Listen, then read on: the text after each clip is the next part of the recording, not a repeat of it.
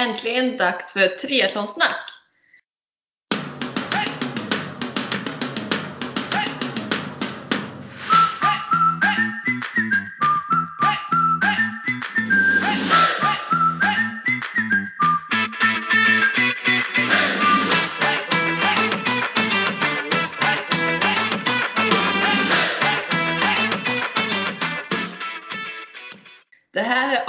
22 med mig, Sofia Häger och Och med mig lite förkylda Therese Granelli. ja, du har lite dovare ton i. Ja, jag är lite mer hes idag. Jättesegt jag vaknade. Eh, vakna. Ja, jag kände mig förkyld för en, två dagar sedan. Och du vet bara satt sig i halsen. Och sen Ja. försvann halsen och så gick allt över till att bli svinsnorig bara. Alltså sätta sig på eh, näsan och i gångarna liksom. Och så nu känner jag att jag även, du vet, det börjar lossna typ. Att jag är ändå på väg åt rätt håll men ja, både halsen och Lite näsan. tjockt och så va? Ja, exakt. Så eh, jag är aldrig förkyld, nästan aldrig sjuk så att jag blir så här chockad varje gång när det händer. Jag bara, är det så här jävligt det känns liksom? Ja, men det är väl det är ändå ganska svårt att undvika den här tiden. Jag, det känns som typ var och varannan person på jobbet är förkylda. Ja, ja. Ja men det är väl så. Jag Sen har väl många jag av dem småbarn så då är man väl ännu i riskzonen om man har typ dagis. dagis. eller förskolebarn. Exakt, exakt. Ja, jag hoppas inte lilla Malte behöver få det men jag tror att han är ganska skyddad så länge man ammar. Eller jag, jag har hört det i alla fall. Så Ja, men jag har också hört något sånt. Hoppas att han inte behöver bli förkyld. Det hade varit jobbigt. Då, ja. Ja. nej. Hoppas jag får hålla det för mig själv. Ja, precis. Nej, men hoppas du mår bättre snart. Ja, I alla ja. fall till jul. Exakt, jag åker imorgon åker vi till fjällen så jag vill Just åka det, vi längre redan i, Ja, så att jag måste bli frisk. Jag hoppas det blir det i bilen imorgon. På Ja. väg. Ja, men det är bra. Du får återhämta dig tills ni är framme. Exakt, men eh, du, ja, vad har det hänt sen sist då? Nu är det väl en och en halv vecka sedan kanske? Eller är det Ja. två? Ja, oklart. Men Ja. det är ett tag sedan. Och jag vet faktiskt, det har inte hänt så mycket spännande sen sist. Eh, jag nämnde ju senast att eh, jag börjat med coach igen. Mm. Så de scheman har jag ju dragit igång med. Och sen så fick jag ju besked från naprapaten då att jag kunde börja småjogga lite. Eh, Så det enda egentligen som har hänt sen sist träningsmässigt är väl att jag har börjat småjogga lite. Åh, vad härligt. Ja, men det känns väldigt bra. Jag har kört några... Vad kan det vara? Jag försöker springa två gånger i veckan nu och de är typ 15-20 minuter. Eh, väldigt lugnt för att vara mig. Mm. Eh, så, men det har känts bra hittills så det har inte gjort någonting ont. Och, eh, så, så det är jag glad för. Nu ska vi bara ta det långsamt, sakta men säkert åt rätt håll här. Ja, det är viktigt nu att du gör det. Ta det Ja. försiktigt. Ja. ja, grymt och vad skönt att det är att få springa. Du, som du vet så har jag även tjuvat lite på det. Ja, det var, det var ju så himla kul. När vi spelade in podden förra gången och du bara, jag har tjuvtestat lite men jag kommer inte börja springa på riktigt. Jag kommer vänta lite med. Och sen samma dag ser jag på din Insta-story när du är ute och springer. Och jag bara, Whoops! Fast det, det är inte på riktigt, det är bara på låtsas. ja, jag förstår. Nej, ja. Nej men det känns väldigt bra och eh, ja, med allting egentligen. Så jag har känt på det. Men jag har också backat lite att jag eh, för jag blev som sagt, det går jättebra att springa lite kortare sträckor. Jag tänker ju verkligen att det viktiga är att jag orkar hålla spänt mage och bäckenbotten och känna att allt känns bra. Så det är ju Ja. den känslan, alltså min ork och min, jag vill ju bara springa på. Det känns ju så bra. Tänk att jag sprang ändå i fram till kanske vecka, men nästan vecka 30 och den tyngden och den, så mycket blod jag bar runt på då så var ju det jävligt jobbigt. Så nu när jag är ute och springer så känner jag ju att jag väger ingenting och ingen blod att syresätta så att det känns så lätt. Så jag vill ju bara Ja, det måste vara en underlig känsla. Men du Ja. har ju liksom inte haft något långt uppehåll heller då från löpningen så det blir Nej, ju men- inte lika samma... Nej men exakt. Men, eh, men däremot så kände jag, jag råk, råka, jag sprang lite långt eh, eh, härom, i måndags var det. Eh, och eh, då, det var lite sådär, jag ville, jag kände att nu borde jag börja gå men så var klockan ganska mycket och så ville jag bara till bilen så jag bara, jag springer klart. Men Ja. då kände jag att nu borde jag stanna för att jag, jag blev för trött i bäckenbotten helt enkelt. Eh, så nu, nu Men borde jag... känner man det, eller känner du det väldigt enkelt? Ja, men jag Alltså, känner att det blir lite tryckande känsla, alltså jag blir um liksom. Som att Ja. nu, nu orkar jag inte längre. Eh, och det, det är ju liksom, det är ju den känslan jag går på hela tiden. Så jag lyssnar ändå på kroppen. Men det är, och sen är det ju tidigt såklart, det har gått en dryga månaden liksom. Så att det, det är, eh, jag backar när det säger det. Så nu har jag inte sprungit någonting sen i måndags. Och så blev jag ju förkyld nu då, i, vad det nu var, i onsdags typ. Ja. Så eh, Men hur Eh. mycket träning har du fått till eh, nu annars om man tänker vecka? Eh, ja, alltså jag försöker göra något. Jag promenerar ju väldigt mycket för det är liksom eh, det räknar inte jag riktigt som träning men jag får ändå väldigt, väldigt mycket rörelse och vardagsmotion och steg liksom. För Malte sover som bäst i rörelse. jag vet inte varför men han har väl fått hoppa hela tiden så det gäller att det rör på sig så sover Ja. han. Eh, så, men annars så, eh, säg att jag är typ i varannan dag styrka, varannan dag någon slags kondition. Så jag kör en pass, ett pass om dagen av något slag. Och sen kan det vara allt från att det är lite lättare styrka, att jag bara kör core till tyngre styrka. Och sen lättare löp eh, och eller, eh, vad heter det, eller hård, eh, hårda intervaller på crosstrainer. Så jag körde lite skier häromdagen också, det var jäkligt kul. Det har jag inte heller gjort på länge. Och det är ju skit som alla vet så är ju skidor något jag älskar väldigt mycket. Så det var kul. Jag känner mig stark också i det. Så det ska bli lite spännande att se hur det känns att ställa sig på skidor. För det Ja, ja, kommer bli konstigt. Jag åkte ju när jag typ hade så här två veckor kvar. Eh, körde jag en liten tävling på skidom. Och man har en helt annan tyngdpunkt när man, eh, magen är där liksom. Så jag undrar hur det kommer kännas nu när den är borta. När jag ska hitta tillbaka på, på rätt tyngdpunkt liksom. Det ska bli lite kul. Ja. Nej men så, eh, ja, ett pass om dagen säger jag då att jag får till. Då kommer du, ja men det låter ju bra. Och Malte sköter sig, han är bra team, eh, han, han är alltid sover eller kollar på mig när jag tränar. Då är han snäll.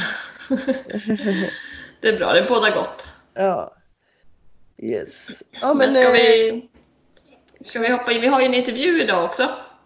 exakt. Eh, och det tycker jag att vi gör. Vi hoppar vidare så vi får prata med henne mycket, länge, eller vad ska vi säga, så mycket tid vi kan. Ja, precis. Yes.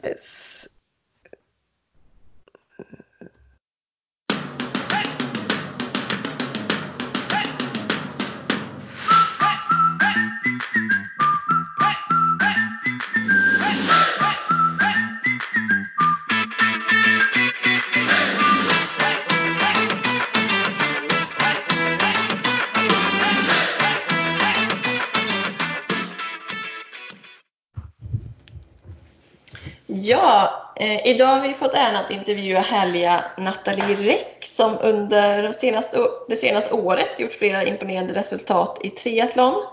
Eh, så som att kvala till Ironman Hawaii med en fulldistanstid på 9 timmar och 47 minuter om jag har kikat rätt. Eh, och eh, det kommer bli en väldigt intressant intervju. Jag själv har väldigt många frågor. Eh, Så jag tycker vi hoppar in direkt till intervjun. Välkommen till eh, Triathlonsnack Nathalie! Tack så jättemycket!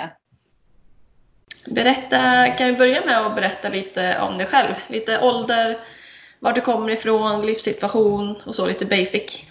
Ja. Eh, Nathalie då, från Stockholm, om någon kommer missa det under det här samtalet. Eh, 31 år gammal. Eh, ja, jobbar som naprapat. Tränar mycket. Är Tillsammans med världens underbaraste kille. Ja, lite så. En eh, kille som också tränar triathlon va? Ja, exakt. Det gör han. En bra gemensam nämnare att ha. Ja.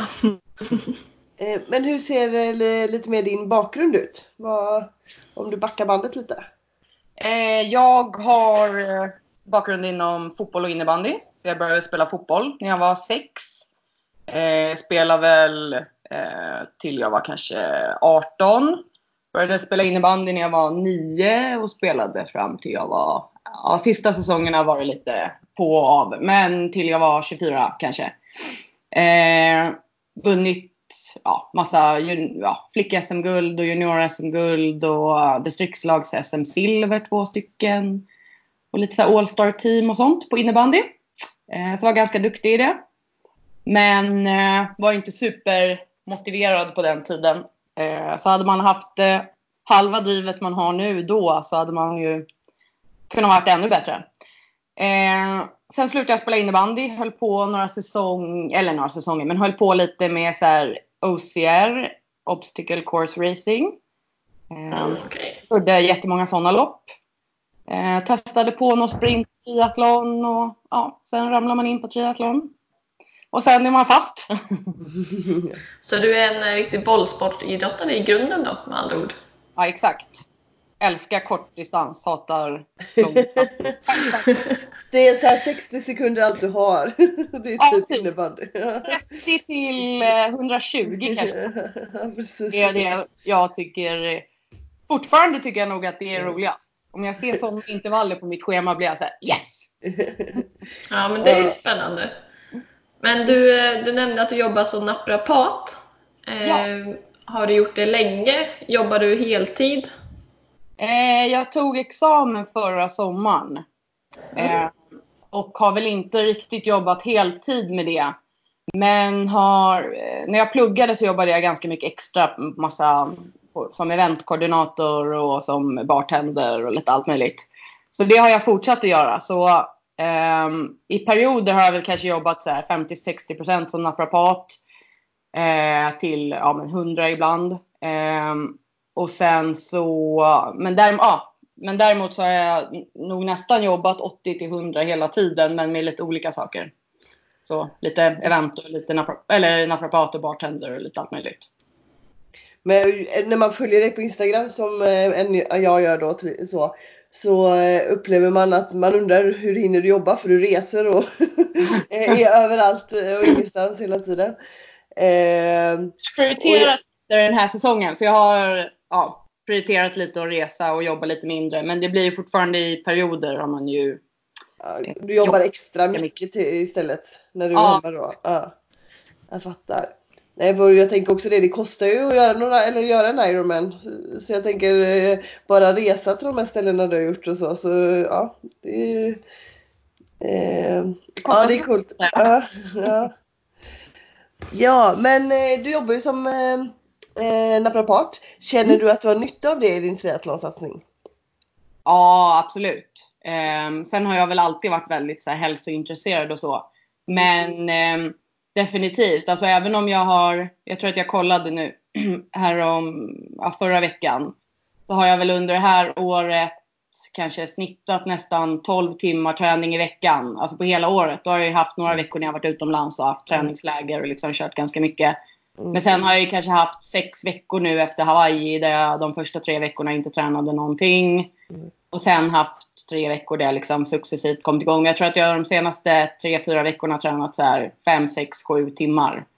Så även fast jag har legat på ganska låg mängd de, de senaste två månaderna så är snittet ändå uppe på 12.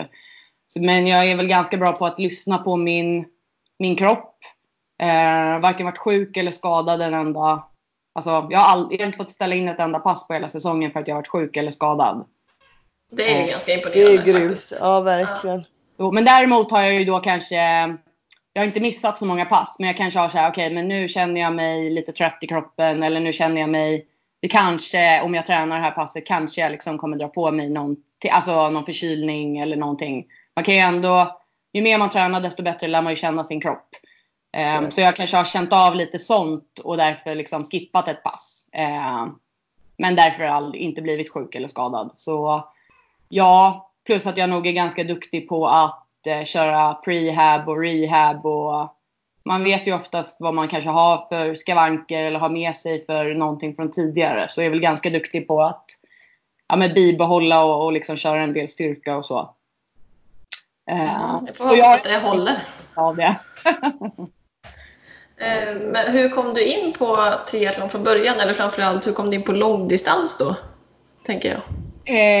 Eh, jag har nog haft en liten sån här typ, eh, jag vet inte vart jag har snappat upp det från början men hittade nog någon sån här artikel på, om typ ö till ö och hörde talas om någon Ironman när jag var yngre. Och liksom visste var, i varken vad det ena eller andra var men tänkte så här, ja men det låter ju coolt, det ska jag göra någon gång. Eh, så började jag ju som sagt med någon sprinttriathlon. Eh, och tyckte ju att det var ganska kul. Eh, Och sen så eh, hade jag väl egentligen tänkt att jag, jag körde sprint 20, en sprint 2014 och 2015, Stockholm Triathlon. Och så hade jag väl tänkt att jag 2017 skulle bli liksom, ja, skulle jag göra en Ironman. Eh, nej just det, man kan, jag glömde bort. Eh, jag ville även göra en svensk klassiker.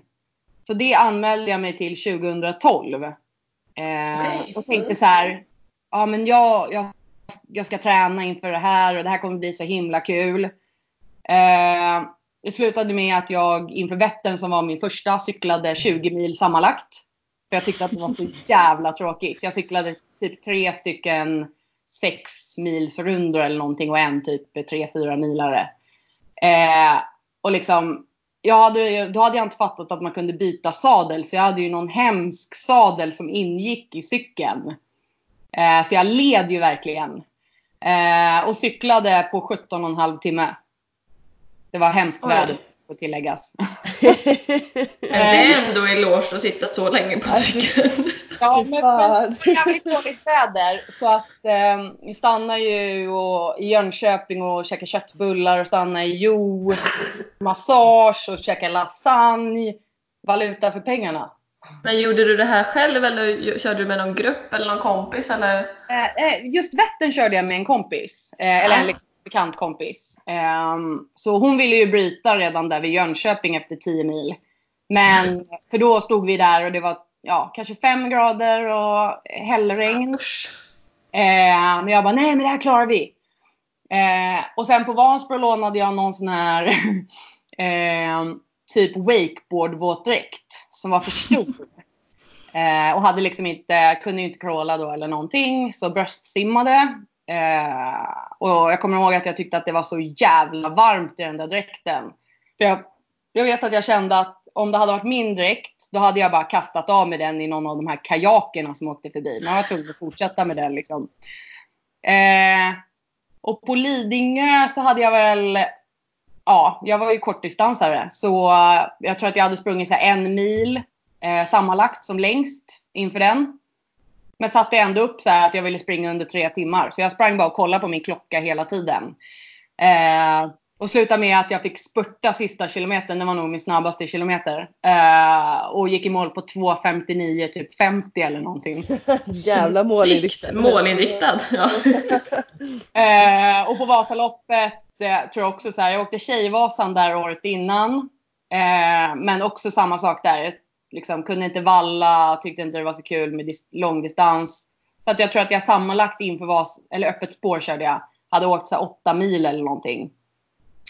Eh, och där satt jag också upp så här, jag ville köra på under 10 timmar, men det var ju så jävla... Jag tror att det var minus 14 när vi startade och så här, plus 6 klockan 11 eller någonting. Oj, vilken Så vallningen var ju helt värdelös, även fast jag hade kostat på mig att lämna in den på så här, tusen spänn svallning.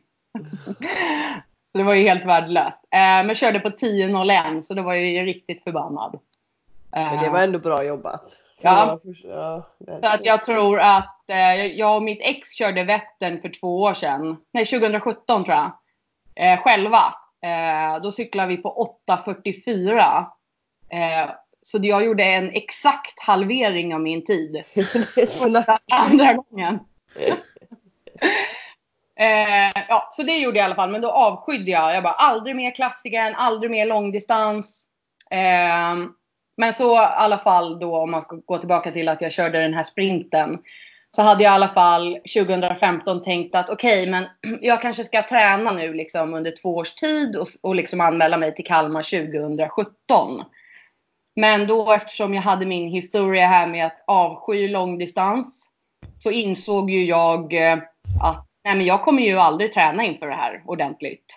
Eh, så att det är väl lika bra att anmäla sig så kanske jag blir tvungen att träna i alla fall. Alltså långdistans. Jag tränade ju hela tiden annat liksom. Eh, så då anmälde jag mig till Kalmar 2016. Eh, och samtidigt på köpet dök ju Jönköping upp som tävling där första gången. Eh, också 2017. Så då, nej, 2016. Så då anmälde jag mig till den också för folk man började ju vara i lite sådana här communities på Facebook och sånt. Så skrev ju typ att det var bra att köra en halva innan man körde en hel och så. Eh, Men inför båda de tävlingarna så hade jag ju eh, Ja. ja jag tränade väl hyfsat okej, men inte liksom långdistansmässigt. Men då kan man ju säga att du liksom smög dig in på triathlon på något sätt ändå. Så Ja. du har ändå byggt upp någon slags grund. Ja, absolut. Eh, ja. Men jag hoppar in i nästa fråga här. Du, Ja. du har skrivit i sociala kanaler att du under förra året plötsligt eh, började tycka att distans var kul. ja. Eh, hände det något speciellt då? Ber, eh, berätta om den insikten. Eh, och varför ratade du långdistans innan? Eh, Eller, eller varför tränade du långdistans Ja. innan om du hatade det? Ja, men ja, jag körde ju Kalmar 2016. Eh, om man ska gå tillbaka till den. Eh, och då gick det ändå liksom helt okej. Jag körde på 11.31. Eh, och då liksom kände jag ändå så här, okej, men jag har ju typ inte tränat någonting specifikt för den här överhuvudtaget. Eh, jag kan nog göra bättre ifrån mig. Så då satte jag nog eh, liksom, jag satte upp målet till året därpå att jag ville köra på under 11 timmar och sen liksom någon gång kvala till Hawaii. Eh, så det var väl ändå det som var liksom sporren. Sen så liksom successivt så har man ju lärt känna så himla många andra som gör det. Så då har det väl mer blivit att det liksom är en typ en trevlig grej. Jag gillar att tävla. eh, så att eh, då har, jag har väl inte liksom tyckt att träningen har varit så kul. Men eh, jag körde Ironman i Taiwan 2018. Eh, och det var där jag kvalade till Hawaii. Det var inte på, när jag körde på 9.47. Nej. Eh, Ja, okej. Ja. Eh, så det var där jag kvalade till Hawaii till året därpå. Så att den här gick eh, helgen innan Hawaii året innan. Så den här gick eh, typ 7 oktober 2018. Så då hade man ju ett helt år på sig att förbereda sig. Det är ganska bra att kvala in så tidigt. Mm. Ja, men eh, nu hade jag ju, har jag ju större delen av året haft ganska bra motivation, så absolut. Men det är ganska lång tid innan. Jag, jag, Ja. jag skulle nog kunna säga att kanske Sydafrika eller någon sån här, liksom på våren hade nog varit optimalt. Kanske. Men eh, det är nog en smaksak. Det är många som gillar att kvala tidigt. Eh, nej men då liksom, tog jag väl också några veckor som jag tog det lite lugnare och sen eh, satte jag väl upp målet att jag kände att liksom, vad jag tidigare har liksom, lagt ner träningsmässigt och liksom glädjemässigt och, och så i triathlon eh, så borde jag, om jag kan liksom maximera det lite, borde jag kunna köra på under 10 timmar. Eh, så då satte jag väl upp det som mål. Eh, och så ville jag ändå försöka göra en bra tid i Hawaii. Eh, och då åkte jag till, eh, var jag på träningsläger med eh, David, en kille, på Plaitas. Vi tog en sista minuten dit i mitten av december. Eh, och då hade jag väl börjat komma igång ganska bra med träningen igen. Eh, och då tror jag att jag liksom någonstans, jag är nog ganska bra på det mentala och liksom sätta mål och sånt om jag vill. Så att jag tror att jag började liksom prata med mig själv och så här, tänka att okej, men om jag ska kunna göra en bra, liksom, om- jag ska kunna köra under tio timmar så måste jag någonstans börja tycka att det här är kul. Jag måste någonstans typ lura mig själv och tycka att det här är kul. Och sen var det som att typ från ingenstans, så där på Playita så började jag så här, så hade jag ju fått från min coach massa pass, och så här fyra, fem, liksom tre, fyra timmar. Ja, det var ju jättemycket cykel i alla fall. Jag tror att det var så här mitt rekord, 20 timmar på en vecka eller någonting. Och jag tror typ att jag nästan tyckte att alla de var liksom ganska trevliga. Eh, så att jag tror att det var mycket inställning att jag tidigare bara, åh gud, jag gillar inte det här, gud vad det här är tråkigt. Alltså att jag liksom intalade mig själv det så mycket. Så jag kanske hade kunnat börja gilla det innan. Egentligen. Så Eh. mycket mentalt med andra ord. Ja. Men jag tror att det var väldigt mycket den mentala inställningen. Men du nämnde coach. Är det någonting du har haft sedan dess eller har du tränat på egen hand? Eh, nej, jag har haft samma coach hela det här året. Så från december till... Eh, ja, ja, vi ska börja köra igång nu. Vi har haft pausen efter Hawaii, så vi ska börja köra igång nu i januari igen. Ja, vem har du? Eh, Karl Eriksson heter han. Han är med i, eh, i min klubb eh, Terrible Tuesday. Eh, Just det. så han, eh, ja, men han har lite adepter, men han kör det på sidan om sitt eh, riktiga jobb. Okej. Men det har ju Eh. uppenbarligen funkat ganska bra. Ja, precis. Eh, du nämnde Taiwan också. Hur kom Ja. det sig att du var med på den tävlingen eller hur var det att tävla där? Ehm, jag. Ja, det var jag och mitt ex som eh, båda vi ville kvala till Hawaii då när vi var, var tillsammans. Eh, så vi hade båda kört Sydafrika samma år och med lite så blandade resultat. Ingen av oss kvalade och han blev påkörd av en bil någon dag innan och lite så här. Eh, det var lite tumultartat. Eh, nej, men sen bokade vi eh, Tallinn som vi också körde. Eh, men innan det hade vi bestämt oss, eller kollat runt liksom vilka tävlingar som låg ganska bra, eh, bra till. Och eh, då såg vi att eh, Taiwan hade ju ganska dåliga kvaltider. Eh, och låg ganska liksom trevligt semestermässigt. Plus att det låg ju veckan innan Kona, så då tänker man ju att många liksom duktiga eh, redan är på Hawaii. Eh, plus att han gillade värme. Och året innan hade det varit liksom 35 grader typ och jättevarmt. Eh, men när vi var där då så var det typ... Eh, eh det var inte jätte... Eh, simningen blev nedkortad för det var helt sjuka underströmmar. Eh, och jag som ändå nu har liksom kommit att bli ganska duktig på att simma och tycker att det är ganska kul blev ju sjukt besviken för de där underströmmarna såg man inte så. Eh, vattnet såg ju helt så här spegelblankt ut. Eh, så man simmade bara i en liten bukt. Så från 3800 meter blev eh, simningen 400. Eh, Oj, det var en väldigt cut down.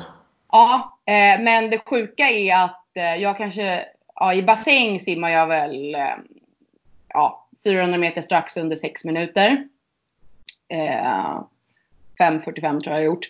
Eh, men den tog ungefär 8 minuter tror jag. Och då är jag ändå snabbare i öppet vatten. Alltså det var helt sjukt. Eh, man bara låg liksom... De hade satt upp ett nät så att man inte skulle så här, alltså, glida för mycket. Eh, så alla satt ju typ fast i det där nätet för att det var så mycket strömmar. Fis- Fiskenät. Ett fisknät ja. Eh, så när jag kom upp var jag ju så här, åh herregud, det var ju helt, eh, ja men den var faktiskt rätt sjuk. Eh, och dagarna innan hade det inte varit så varmt, men däremot hade det varit, eh, för det var någon tyfon som åkte liksom inte den liksom veckan som tävlingen var, men veckan innan var det ganska mycket tyfoner runt omkring i, i Asien där. Eh, men den drabbade jag inte Taiwan. Men, eh, så det var sjukt mycket vindar. Så jag tror att en dag när vi var ute och cyklade så var- blåste det 17 meter per sekund. Typ så här tre dagar innan tävlingen. Så på tävlingsdagen tror jag att det blåste 12 meter per sekund. Oj, shit. Eh, och jag hade ja, högprofilshjul så jag hade 81-81. Hur lyckades du hålla dig kvar på cykeln jag? Då hade jag ju däremot, eh, ja, vi hade ju varit där några dagar innan så jag hade ju fått testa på att cykla med det. Så att jag kände mig ändå ganska okej med dem. Eh, så cyklingen var ju sjukt tuff. Eh, och löpningen blev ganska varm sen. Så att, eh, eh nu hade ju året innan varit en, bara en kokhet tävling och typ vindstilla. Eh, men eh, det, det blev ändå ganska varmt så jag kan förstå liksom, banan var ganska tuff. Eh, så jag kan förstå att tiderna var inte, snabb, var inte långsamma för att folk var långsamma utan tiderna var långsamma för att det var en tuff bana. Eh, Men du lyckades ändå kvala? Ja. Mm. Så att jag var ju nöjd. Jag, var, jag trodde ju att min chans var borta när, jag, eh, när det blev nedkortad sim. Men jag höll ihop det ganska bra i alla fall. Grymt. Mm. Ja. Hur var värmen? Och, eller hur är det i Taiwan? Är det inte varmt? Jo. Eh, så det var väl ja, men strax över 30 tror jag. Eh, men det var ändå ganska blåsigt så man kände inte det. Alltså det var ju fortfarande, ja men det var väl säkert över 10 meter per sekund på löpningen också. Som på vissa ställen var ganska öppen. Eh, så det liksom var ändå ganska vind... Ja men det var ändå ganska Du blir mycket... svalkad av det liksom? Ja, precis. Eh, ja. Ja. Ja, grymt jobbat. Jag hade också velat köra något varmt. Du har ju kört Hawaii med nu så du, du är van vid värmen. ja, lite. Ja. Men eh, eh, vad kom, eller framåt nu då, eh, vad är dina kommande mål? På kort och på lång sikt egentligen? Eh, på nästa säsong så har jag väl satt upp, eh, mitt mål inför den här säsongen var ju att köra under 10 timmar. Eh, så då körde jag i Challenge Rot på 9.47. Eh, trots att jag hade lite, eh, ja jag har manuella växlar på min cykel. Så ena, jag brukar alltid lämna in min, min cykel på check dagen innan race. Eh, så Challenge Roth ligger i Tyskland. Så jag hade ju flygit ner, kopplat in cykeln och varit ute och cyklat eh, en timme dagen innan eller någonting. Och allting hade gått superbra. Så började jag känna mig lite stressad över att jag skulle checka in cykeln. Så då skippade jag det eftersom allt hade ju låtit så bra och allt hade ju känts så bra. Eh, så efter någon mil på cykeln så kände jag att eh, den hittar inte alla växlar. Eh, utan den bara hoppar förbi. Eh, så om man har mekaniska så kan man där framme där man växlar kan man känna att vajern ligger. Så jag kände ju att den var ju helt spetsig för den var ju nästan helt av. Eh, så jag hade ju bo, ja, både stora och lilla klingan fram. Men sen hade jag bara de tre lättaste växlarna bak. Så att jag stannade vid en så här, eh, stannade vid en eh, eh bike eh, eh, me, vid mekaniker och skulle få hjälp och stod i, jag har kollat det för jag stängde av min klocka och satte på den igen, i sju minuter. Eh, så trots sju minuters stillastående så körde jag på 9.47. Eh, så då kände jag, kände jag mig liksom, ja, ändå ganska safe till att eh, eh ja, liksom, ja. Eh, så mitt mål på Kalmar nästa år är att köra på 9.30. Ja men det låter ju rimligt och det ja. låter väldigt coolt att köra på 9.30. Eller 9.29, jag vill under 9.30 men 9.29. Ja. eh, och eh, om jag skulle klara det, vilket jag ska klara, så skulle jag nog kunna tänka mig att kanske köra som proffs 2021. För då känner det var, jag... Det var den jag väntade på. för då känner jag ändå att eh, jag eh, ja, ändå kan liksom slåss, slåss om kanske lite topp 10 placeringar på ett och annat race. Beroende på vad man väljer för något. Eh. Ja men coolt, då har du lite sikt framåt. Ja. Det är spännande att följa. Ja, Eh, har du några mer tävlingar inplanerade innan Kalmar? Eh, jag kommer köra Vansbro. Mm, det är medeldistans? Ja, exakt. Eh, Vansbro triathlon. Så den fick ju faktiskt SM nu. Eh, efter att jag hade bestämt mig. Så det var ju skitkul. Jag har inte kört ja. något SM i medeldistans. Eh, och sen så eh, kommer jag nog köra Borås igen. Eh, Visst vann du den i år? Ja. Snyggt. Eh, så uh, den, den är ju superbra. Eh, Kolting är ju väldigt bra på, han har ju kört många tävlingar själv, så han är ju väldigt bra på att ar arrangera. Även om det är en li lite mindre tävling liksom. Eh, och sen kommer jag nog köra, eh, eller nog, det är väl, eh, vi har bokat boende och så, men Challenge Bled. En halvmedeldistans i Slovenien. Mm. Som pappa är ifrån. Så passa på att hälsa på lite släktingar och sånt. Ja, det är smart. Ja.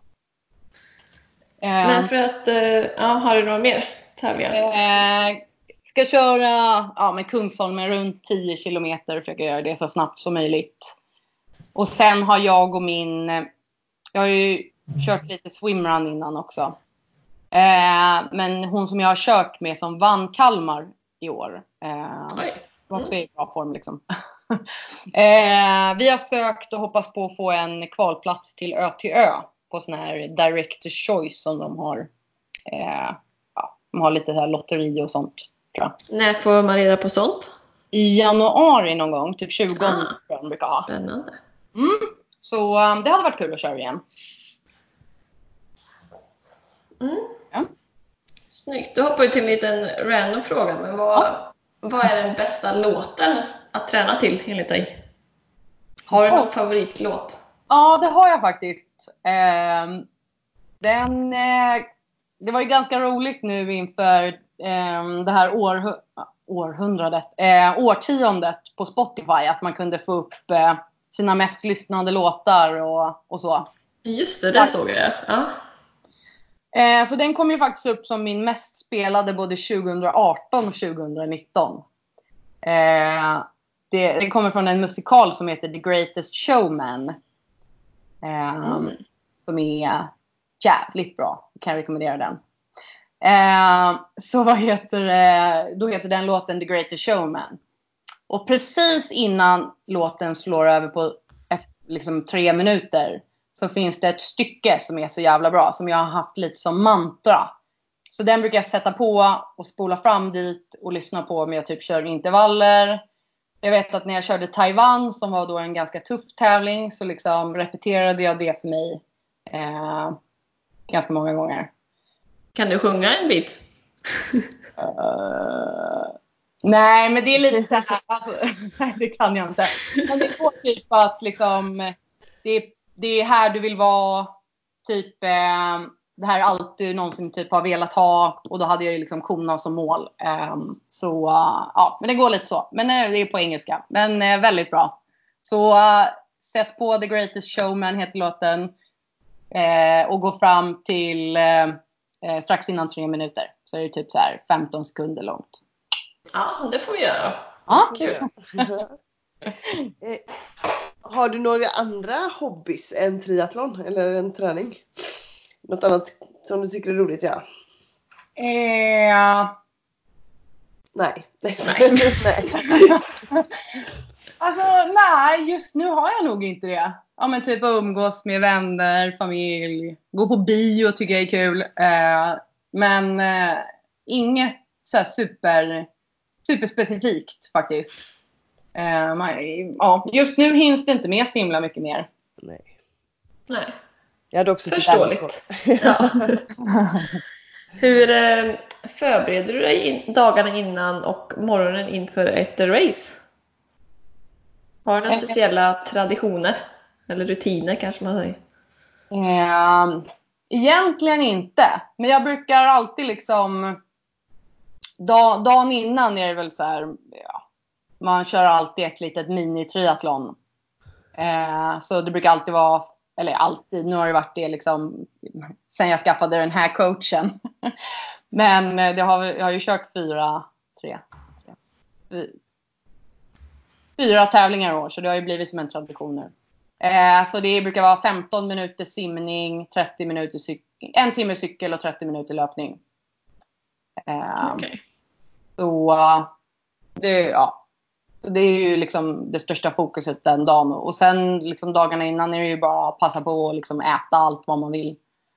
Så mycket kolhydrater som möjligt. Eh, försöka dricka mycket.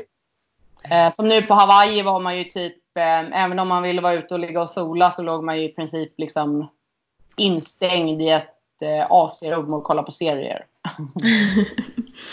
Ja. Eh, så, men annars inga, jag är inte så här jinxig eller någonting sånt. Utan eh, jag har inget speciellt för mig. Men jag tänkte fråga dig som nästa fråga om du har något tics för dig innan tävling? Något som du måste göra liksom. Men då, då har du inget sånt kanske? Nej, eller nu, från och med nu kommer jag ju ha att jag alltid lämnar in min cykel. Så nu lämnade jag in, okej, Ha- Hawaii är ju extremt. Men jag lämnade in den liksom och bytte kassett och bytte kedja och så här check innan, eh, innan racet. Ah, jag tror att det gick på typ 2,8. Oh, ja. Eh, så, så grundligt kanske det inte behöver vara. Men eh, eh, kommer nog aldrig missa att lämna in den igen i alla fall. Alltså Är, bara, du bra, är du bra på att cykla själv annars? Typ mecka med dem och småfixa med grejer? eh, ja, men hyfsat. Jag har nog eh, ja, men ändå lärt mig en del och blivit ganska duktig. Så jag är ganska noggrann med att städa cykeln innan jag varit ute och olja om och, eh, och fixa. Så, Mm. liksom, ja. Sen har jag rest ganska mycket så då får man ju plocka ihop. Eh, plock, alltså, plocka isär, plocka ihop, plocka isär, plocka ihop. Eh, så jag skulle nog säga om man vill bli bättre på att mecka så är det bra att resa. Får resa mer helt enkelt. Annars kan man ju, jag har ju tänkt att jag vill, alltså det finns ju mycket jag inte, jag är inte så bra på att justera liksom växlar och sånt. Eh, så eh, hade varit kul att gå någon liten kurs så man blev lite bättre. Ja. Eh, om vi hoppar tillbaka lite till ditt eh, jobb och det här med att resa. Kan du dela med dig om du har några tips för att liksom hinna med all träning tillsammans med resa och jobb? Eh, eftersom du ändå har en liten elitsatsande Och- inriktning i triathlon. Vi kan nästan kasta in nästan också där och hur du har råd med det. Vi vill ha receptet på helheten. Men det kanske är att du inte jobbar heltid hela tiden. Eh, ja, det har väl nog varit därför det har gått. Eh, sen har jag väl liksom på mitt jobb, eh, de, ja, de, eh, ja, på det stället har jag bara jobbat i lite mer än ett år. Så de visste ju om att jag hade kvalat till Hawaii och liksom förstod ju att det skulle vara lite fokus på, på träning och så. Eh, så det är väl därför det har funkat så bra där. Eh, sen så har jag väl Ja, men jag tror att om jag inte hade satt upp liksom den här målbilden av min sub 10 och liksom vet att det måste till ganska mycket liksom, mer träning och mer fokus liksom, eh, så hade det nog inte gått. Eh, sen har ju jag liksom en jätteförstående pojkvän, jätteförstående familj som är väldigt stöttande och, eh, och så. Eh, nu glömmer jag hur, hur, hur var frågan formulerad? Nej, men mest om du har några tips för hur man ska göra för att hinna med. Eh, ja, jag skulle nog säga liksom att planera är A och O. Det var ju många gånger...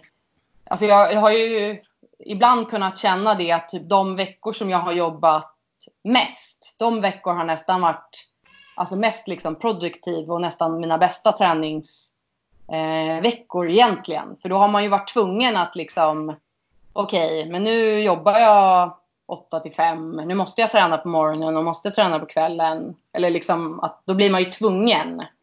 Nu, sen har det ju varit så här dagar när jag kanske har jobbat så här, ja men 1 till 6 eh, på kliniken eller så. Eh, och då liksom haft hela förmiddagen på sig. Eh, det blir inte så himla produktivt när man planerat att man ska köra vid åtta, men det slutar med att man inte kommer ut förrän vid 10.30 och då inte hinner med de här två timmarna man hade tänkt köra utan det blev bara 1.15. Eh, så jag själv kan känna att jag är, ja, ja, de veckorna jag har jobbat mer och liksom haft mer för mig så har jag varit bättre på att eh, planera in. Så jag skulle säga att planera. Sitt. Eh, nu har jag ju haft en, en, en, eller har ju jag en coach som liksom planerar, men han planerar ju inte, eh, eller han vet ju om om jag har mycket eller lite på jobbet och så. Eh, men det är ju ändå jag som måste sitta liksom på, på söndag när jag har fått mitt schema och bara så här, okej, okay, men där måste jag träna morgon och kväll. Där räcker det med om jag tränar på kvällen. Så att eh, det är ju, är ju ändå lite tidskrävande. Eh, Eh, men planera, absolut. Hur ser en veckas träning ut för dig om du skulle säga på ett ungefär? Nu förstår jag att det skiljer sig under olika perioder på året. Men om du tänker kanske i försäsong? Eh, ja, nu kommer ju den köra igång nu i januari. Nu håller jag ju på med mitt, mitt eget. Eh, träna vad jag vill, typ. Vilket är ganska nice. Eh, men nu är jag ganska motiverad, så då tränar jag ganska mycket i alla fall. Men då skulle jag nog säga att förra året hade vi nog eh, minst två styrkepass. Eh, tre, fyra simpass. Eh, tre löppass och... Ja, men jag skulle nog nästan säga att det är så här två, tre av allt. Eh. När du säger styrka, vad fokuserar du på då? Kör du liksom hela kroppen, två pass? Eh, ja, det har varit eh, mycket liksom eh, stora, eller mycket muskelgrupper. Så typ så här knäböj, eh, utfallssteg, eh, marklyft. Eh, massa sådana saker. Eh, så då har jag haft liksom ja men typ jag har för mig att vi körde så här två gånger tolv eller någonting. Eh, så inte så här supertungt. Och sen så ju, ju närmare liksom utesäsongen man kom desto tyngre blev det. Eller om det är tvärtom, jag kommer inte riktigt ihåg. eh, men men eh, ja, ganska liksom generellt. Och du får de passen också av din coach? Ja. Liksom. Ja. Eh, sen har ju jag, kör ju jag mycket liksom stabiliserande muskulatur. Så lägger till en hel del liksom sådana övningar som jag kanske ger som, liksom, som typ axelrehabilitering eller liksom höftrehab och lite sånt som jag kör själv med typ gummiband och, och lite så. Mm. Eh, så vi ska avsluta med en fråga innan vi ger oss in på våra lyssnarfrågor. För vi har fått in en del lyssnarfrågor eh, till detta avsnittet. Ja. Eh, och det är vem du skulle vilja att vi intervjuar i den här podden. Vem hade du tyckt var intressant att lyssna på? Eh, En rolig sak som jag kan nämna är att det var ju din, eh, jag vet inte om det är sambo eller pojkvän, men eh, som tipsade om att intervjua dig. Ja. Tack vare honom att du är med här. kul! Ja. Då vet jag i alla fall att det kommer vara en lyssnare. Jag eh, jag skulle nog säga att jag hade tyckt att det var kul att typ lyssna på eh, vad heter han? Rasmus Svenningsson. Som Ja. är herrpro sen den här säsongen.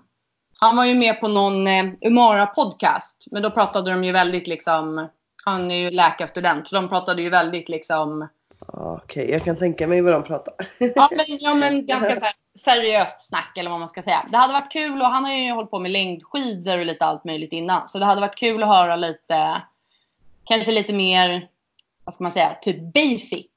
Om typ vem han är och, han, och så. Han är ju supertrevlig, jag har slått med honom några gånger. Låter väldigt intressant tycker jag Sofia. Ja, det får vi ta tag i. Ja, men det tycker jag. Men ska vi hoppa in i några, vi väljer ut några lyssnarfrågor här då tänker jag. Ja.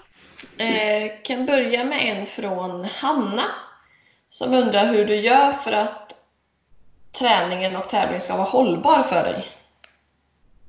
Eh, det är väl för att undvika skador då, antar jag. Ja, eh, ja, det kan ju vara både det, det, det psykiska också. Eh, men det är väl någonstans att man liksom ändå ja, sätter upp lite, om man tar det liksom psykologiska, det är väl ändå att man sätter upp lite realistiska eh, mål som ändå man kanske sätter upp tillsammans med någon annan. Eh, så att man ändå känner att man liksom har en möjlighet att liksom ta sig dit. Det hade ju varit, om jag hade sagt ja, men, att jag ville köra under 10 timmar och min coach inte hade trott att det var möjligt men ändå lät mig liksom köra vidare på det så uh, och man liksom gång på gång misslyckades att liksom komma i närheten av det så tror jag att det hade varit ganska liksom tråkigt och så. Eh, men annars om man ser ur skade, skadeperspektivet så uh, ja, men ändå köra en del styrka. Eh, och kanske funderar lite på att vad har man med sig för tidigare liksom, problematik. Har man hållit på med någon sport tidigare eller så och haft problem? Typ ja, innebandy, kanske dragit av ett korsband eller har man någonting annat med sig? Eh, eller om man som tjej, många tjejer är ganska rörliga i, i lederna. Eh, kanske fokuserar då på lite styrka så man skaffar muskulatur som orkar liksom bära upp leden när man börjar köra liksom lite hårdare och tuffare. Eh, så jag skulle säga våga, liksom, våga köra lite mer styrka. Sen behöver det inte vara liksom tung styrka, men så att man ändå kör lite gum, gummibandsövningar eh, och kanske liksom, ja men, ja, kolla om... Har du, har du någon, typ en eller två favoritövningar med gummiband? Som du skulle Ja. rekommendera att alla egentligen borde göra? Ja, då skulle jag definitivt säga eh, musslan. Ja. En övning när man eh, ligger på sidan, typ som lite så här Jane Fonda om folk vet vem det är. Eh, När de ligger i så här trikå. eh, trikåbyxor. Eh, så man ligger på sidan och liksom har hälarna ihop och så lyfter man upp knät. Som, Jag ja. har faktiskt den på mitt rehabschema. Ja. Ja. Så jag kan checka av den. Eh, för anledningen till att man ska köra den är för då tränar man gluteus medius som är den muskeln som är med bland annat och stabiliserar alla löpsteg man tar. Eh, så om man inte är liksom tillräckligt stark i den så tappar man ofta ut höften. Eh, vilket kan leda till överbelastningsskador. Så många som liksom har problem i nedre regionen, alltså med ja, men, fötter, vader, är alldeles för svaga i den och eh, ja, generellt rumpan överhuvudtaget. Så den och typ höftlyft. Så köra höftlyft, man ligger på rygg och eh, lyfter upp rumpan och har gummiband där också. Så man blir tvungen att trycka ut knäna. Eh, de skulle jag nog säga att alla, alla löpare, alla triatleter borde köra. Bra tips! Verkligen. Eh, ja, nästa fråga är från eh, en tjej som heter Nathalie. Ja. Eh, har dina bra resultat gett några ek ekonomiska fördelar som till exempel spons, spons Eh, sponsring? Ja. Eh, nej, egentligen Mm. inte. Men... Eh, ehm, nej, men det skulle säkert kunna göra det om jag liksom... Det är ingen som har approachat mig, men jag tror säkert om jag approachade folk eller liksom något företag eller så, så skulle det säkert liksom finnas eh, någon typ av möjlighet. Men eh, nej, jag är lite för feg. Varför vet jag inte riktigt. För jag är inte så feg som person egentligen. Kanske kommer sen när du ska gå pro då. 2020. Ja. Eh, Nästa fråga är från Annika. Hur viktigt skulle du säga att det är med tävlingstaktik på din nivå? Till exempel positionering. Och har du några generella taktiktips till en glad amatör? Skriver hon. Eh, Utöver, utöver att ha så god fysik som möjligt då. Eh, jag skulle, det här med positionering skulle jag nog säga att eh, eh, ja, men lägga upp en, en plan inför liksom den tävlingen man ska köra. Eh, eller om man har lagt upp en plan antingen själv eller med coach eller så. Och sen liksom hålla sig till den oavsett eh, vad som händer. Så oavsett liksom om, om man ska köra en speciell watt eller så, jag kör inte på watt men många gör ju det. Om man ska köra en speciell watt på cyklingen så håll, ska man liksom hålla sig till det. Eller om man tänker liksom pulsslag eller vad man nu tänker. Eh, och samma, alltså att man inte ska fokusera så mycket på vad andra gör utan okej, men om jag ska kunna springa sen så, så då är det liksom planerat att jag ska köra på den här vatten eller pulsen eller så. Eh, så att man liksom inte tar ut sig bara för att det är massa andra som cyklar förbi eller något utan att man ska köra sitt eget race. Eh, och det har jag väl känt speciellt på, på råt att eh, ehm, ja, nu blev det ju lite strul med min cykel men jag blev ju till exempel omcyklad av några liksom i början innan det hände. Ehm, som kanske inte var lika duktiga på att simma men som var du- duktiga cyklister och så. Eh, och då hade man ju kunnat bli skitstressad men jag visste ju att jag höll min plan. Eh, så så länge man liksom gör det man ska eh, så eh, kommer man liksom nå det målet man har. Och en glad, eh, till en glad motionär då, Ja, Eh, precis. det är ju svårt. Alltså, för mig blir det ju svårt att säga så här, ah, men det är liksom, gör bara det som är roligt och så eftersom jag körde ju i två och ett halvt år och tyckte inte att det var kul alls. Eh, men eh, kanske, ja men om jag skulle gå tillbaka kanske jag skulle liksom mer så här, ja men kanske ändå liksom sätta upp någon typ av målbild varför liksom man ska lägga ner den tiden man gör för att även glada motionärer lägger ju ner ganska mycket tid. Eh, om man ska liksom köra något triathlon eller så. Eh, men kanske då liksom ändå försöka liksom tycka att det är, är roligt. Eh, Ja, men det är väl bra tips. ja. Jag ska slänga faktiskt- in, eh, nej, ja. jag ska slänga in en sista fråga från mig själv. Nej, nej, stopp! jag och Ja. min whiskyröst idag. Eh, vad heter det? Eh, eh, ja, jag själv, det här är lite jobbrelaterad fråga till dig då. Mm. Eh, sen eh, fem veckor tillbaks ungefär, sen Malte kom till världen. Mm. Så eh, ja, jag bär ju runt på honom väldigt mycket. Jag gissar att det är därför. Men jag har fått så att, som att eh, min hand somnar, domnar. Och ja, främst är det ju såklart för att jag är framåtroterad gissar jag, att jag bär runt på honom. Eh, och, men jag får det även, ligger jag i sängen och ska sova så liksom domnar hela armen för mig. Och jag gissar typ som att det är kanske en nerv eller någonting som kommer i kläm för att jag är stel eller eh, ja, det kan Eh. det absolut vara. Eh, och jag bara såhär, vad vänder jag mig till? Jag måste bli av med detta. Jag är rädd att, jag har nämligen haft sån inklämningsgrej för, när jag, jag åkte rullskidor till Köpenhamn, idiotgrej en gång för länge, ett tag sedan. och, då fick jag, och då fick jag eh, sån inklämningsgrej och då kunde jag ju knappt resa, alltså jag kunde inte göra någonting. Jag grät när jag skulle lägga mig och sova. Så jag känner att jag får, det får inte gå så långt. Jag måste göra något åt det innan. Eh, och vad mm. vänder jag mig till? Är det en naprapat jag ska gå till eller är det någon annan slags person jag ska uppsöka? Eh, så jag blev ju naprapat för att jag hade bäst erfarenhet av naprapater så jag skulle väl ja. absolut rekommendera en naprapat men ja. tills dess, nu kanske det blir ja, lite svårt att hitta en för den där i mellandagarna. Nej, alltså, jag åker till fjällen imorgon så det blir absolut inte för januari jag kan göra något åt det. Så gärna lite om du har något tips på vad jag kan göra för att ja. hålla nere. Då skulle jag eh, ja, ta typ en, en, eh, en hård boll, alltså typ en triggerpunktsboll, baseboll, ja. golfboll eller någonting. Och försöka liksom, antingen kan man ju ligga på den men då blir det ju ofta liksom hela ens tyngd mot den. Mm. Men det brukar vara ganska bra liksom att ställa sig mot en vägg. Eh, och liksom lägga den mot skuldran, alltså skuldermuskulaturen. För många mm. gånger så kan den vara så tight så att den ligger på. Så släpper man på den kan många gånger eh, vad heter det? Mm. domningar och liksom spänningar som går hela vägen ut i, i handen eh, släppa ganska mycket. Okej, okay. längst skulderbladet eller över hela skulderbladet? Eller vad tänker ja, alltså egentligen ja. liksom, eh, eh, det beror ju lite på vilken muskel det är. Men ofta ja. brukar det vara liksom, ja, infraspinatus heter en muskel. Den brukar vara ganska mycket att spöka. Eh, mm. Så ja, mm. både liksom eh, runt eh, kant, alltså skulderkanten men mm. även liksom på den och även mellan ryggraden och skulderbladet, alltså på mm. baksidan av ryggen, kan också sitta en hel del som kan spela roll.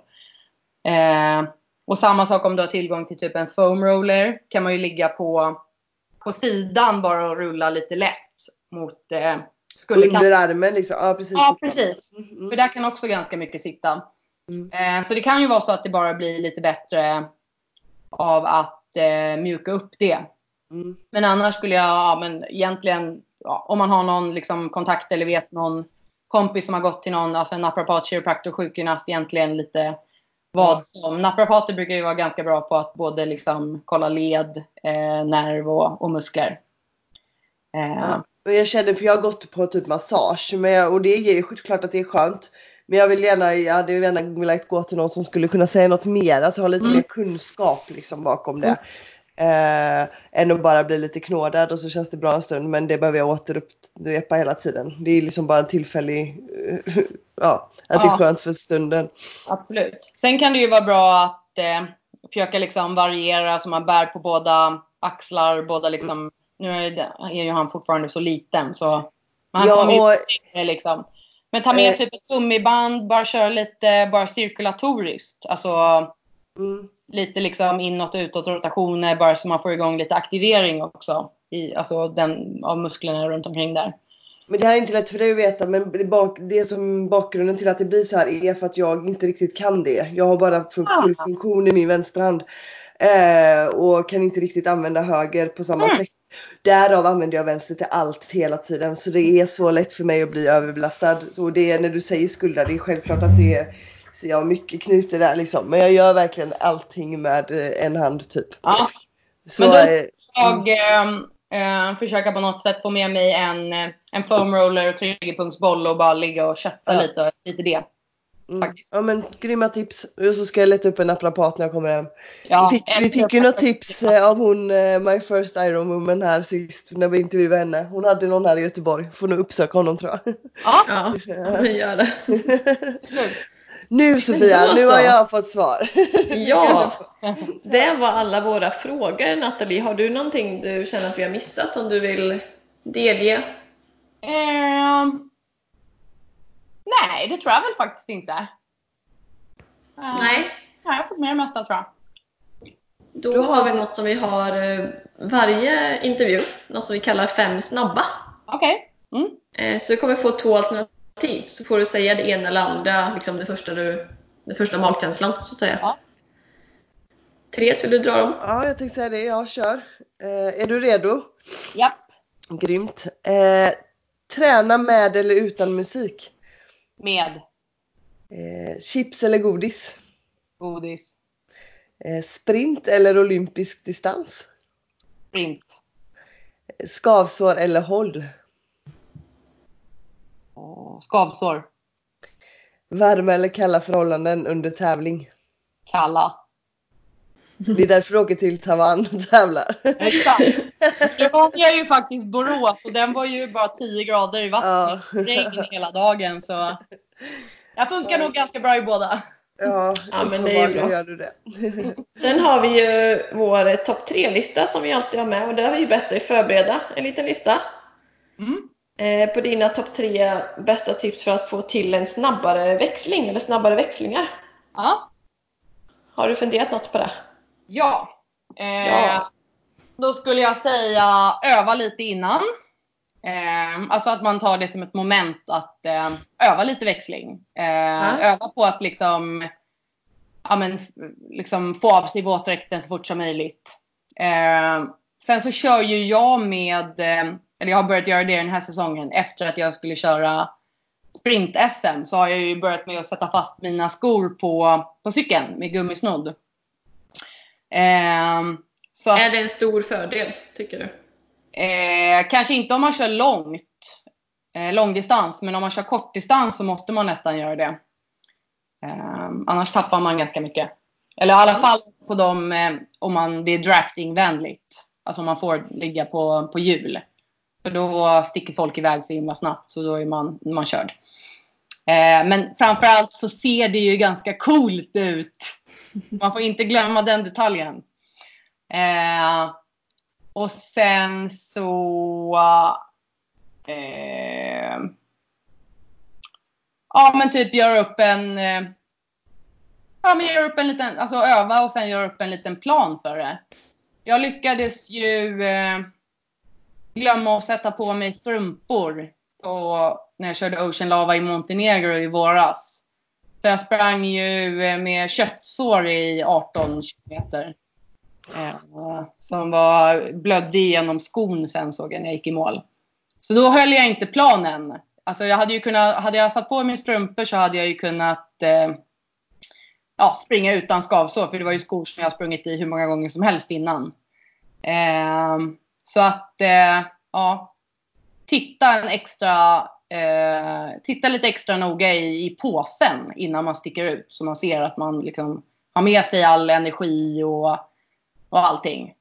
Och jag kör ju med eh, Umara, så jag, eh, oavsett vart jag kör någonstans. Så jag har ju alltid alla gels jag ska ha på löpningen, typ 12 stycken eller vad det brukar vara på fulldistans. Eh, så de brukar jag sätta ihop med en gummisnodd i påsen så att man bara har, så att de ligger liksom i, i tre små, eh, tre små högar. Så man liksom, ja, de är redan klara. Eh, så att de ligger liksom inte huller om buller utan man kan, jag kör med fusion så då har de ficka, fickor. Så då kan man ganska smidigt bara stoppa ner dem och sticka iväg. Så går det lite snabbare. Eh, ja, men det var väl kanske dem. Ja. Ja, bra. Jag behöver träna på det där med skorna, tror jag. Det ska Ja, vara coolt att kunna. känns faktiskt ganska cool när man har dem på måste jag säga. Jämfört med när man springer i dem. Sen får, det finns säkert andra som inte tycker det. Men jag känner mig i alla fall väldigt cool. Det är viktigt. Det är viktigt att Det är känna sig proffsig. Det är. Sofia, vi får köra en träningshelg med bara öva på att ta på oss. Precis. Nu har vi tränat växlingar tre timmar. Jag körde faktiskt det med Linda Morin dagen innan vi skulle köra SM i, i sprint. Ja. Eh, för hon har kört med det ganska länge med liksom, gummisnoddar och, eh, och skorna på cykeln. Så att eh, jag körde fram och tillbaka säkert i liksom, en halvtimme. Hon bara, då sätter vi på en ny gummisnodd. Och jag tyckte det var läskigt att man liksom skulle bara sätta foten på ena pedalen och sen liksom kasta sig över och så. Men eh, sen har det gått ganska bra. Eh, men eh, det tog ju, ja, tog säkert en halvtimme. Och säkert eh, 40 gummisnoddar eller någonting. Men sen satt det. ja, men det kan det ju vara värt. Ja, absolut. Absolut. Ja, men det var väl det vi hade idag, Therese. Ja, dags att runda av kanske. Vi kan fortsätta ett tag till. Ja, Precis. Jättekul att du ville ställa upp Nathalie. Ja, såklart. Det var superkul. Det är alltid kul att prata om sig själv. Nej, jag. Helt rätt. Eh, Men då får vi egentligen önska eh, ja, dig Nathalie och alla lyssnare en eh, god jul och gott nytt år. För Ja. det vi har sagt nu är att vi kommer spela in ett avsnitt eh, om två veckor precis efter eh, nyår då. Eh, och eh, då kommer det handla om just eh, träning under eh, jul och nyår. Mm. Lite vad, eh, när man har li- lite mer tid och kanske lite ledig och vad man kan göra och eh, maximera. Eller vad säger du Sofia? Ja, men det tycker jag låter bra. Mm. Eh, och tills dess kan ni ju följa oss på Instagram, triathlonsnack. Och sen hittar man även dig på Instagram, Nathalie. Mm. Räknatta heter jag. Ja, precis. Mm. Yes, Då- då säger vi så och önskar alla en god jul. det Ja, gör tack vi. så mycket. Ja, ha det så bra.